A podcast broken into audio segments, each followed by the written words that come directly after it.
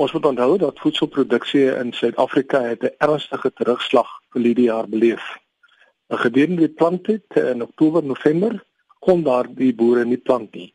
Ons moet ook onthou dat baie van hulle het al 'n tweede en derde droogte al beleef. Die El Niño effek uh, is nie 'n eenjarige verskynsel nie, maar 'n meerjarige verskynsel.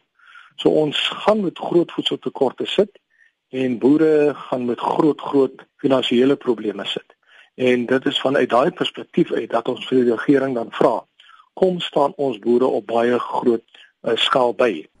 Hoe gaan dit die boere help as die regering wel besluit om die droogte as 'n nasionale ramp te verklaar?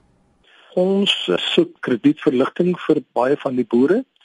Ons uh, moedig ook regering en ons groot banke aan om die boere te help om hulle skuld te herstruktureer sodat mense daarom net hulle kontantfooi posisie kan verbeter en ons vra ook vir bystand by die heropbou van hulle kuddes. Ons onthou dat daar duisende diere het gevrek en dan die ander groot probleem is ons vra ook vir bystand om die boere net 'n hulpstoot te gee om net weer te kan plant. Want as die boere nie kontant in hulle sak het nie, dit beteken dat ons eintlik ons hele voedsel sekuriteitsposisie in gedrang bring.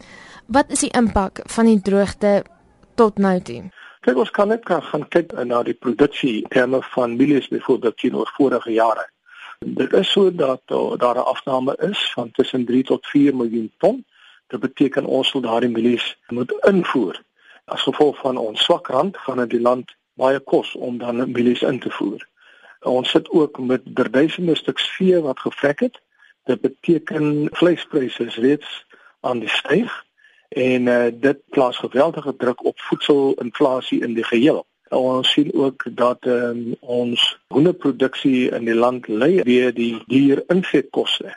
En dan 'n ander groot probleem is die sosio-maatskaplike probleem. Baie uh, werkers, jy weet veral diegene wat tydelik in diens geneem word, sal nie in diens geneem kan word nie van wie lae produksie of geen produksie nie. En ons is ook dit bekommerd oor die permanente werkersmag in Indop. Hoeveel van hulle gaan nog in diens geneem kan word of in diens gehou kan word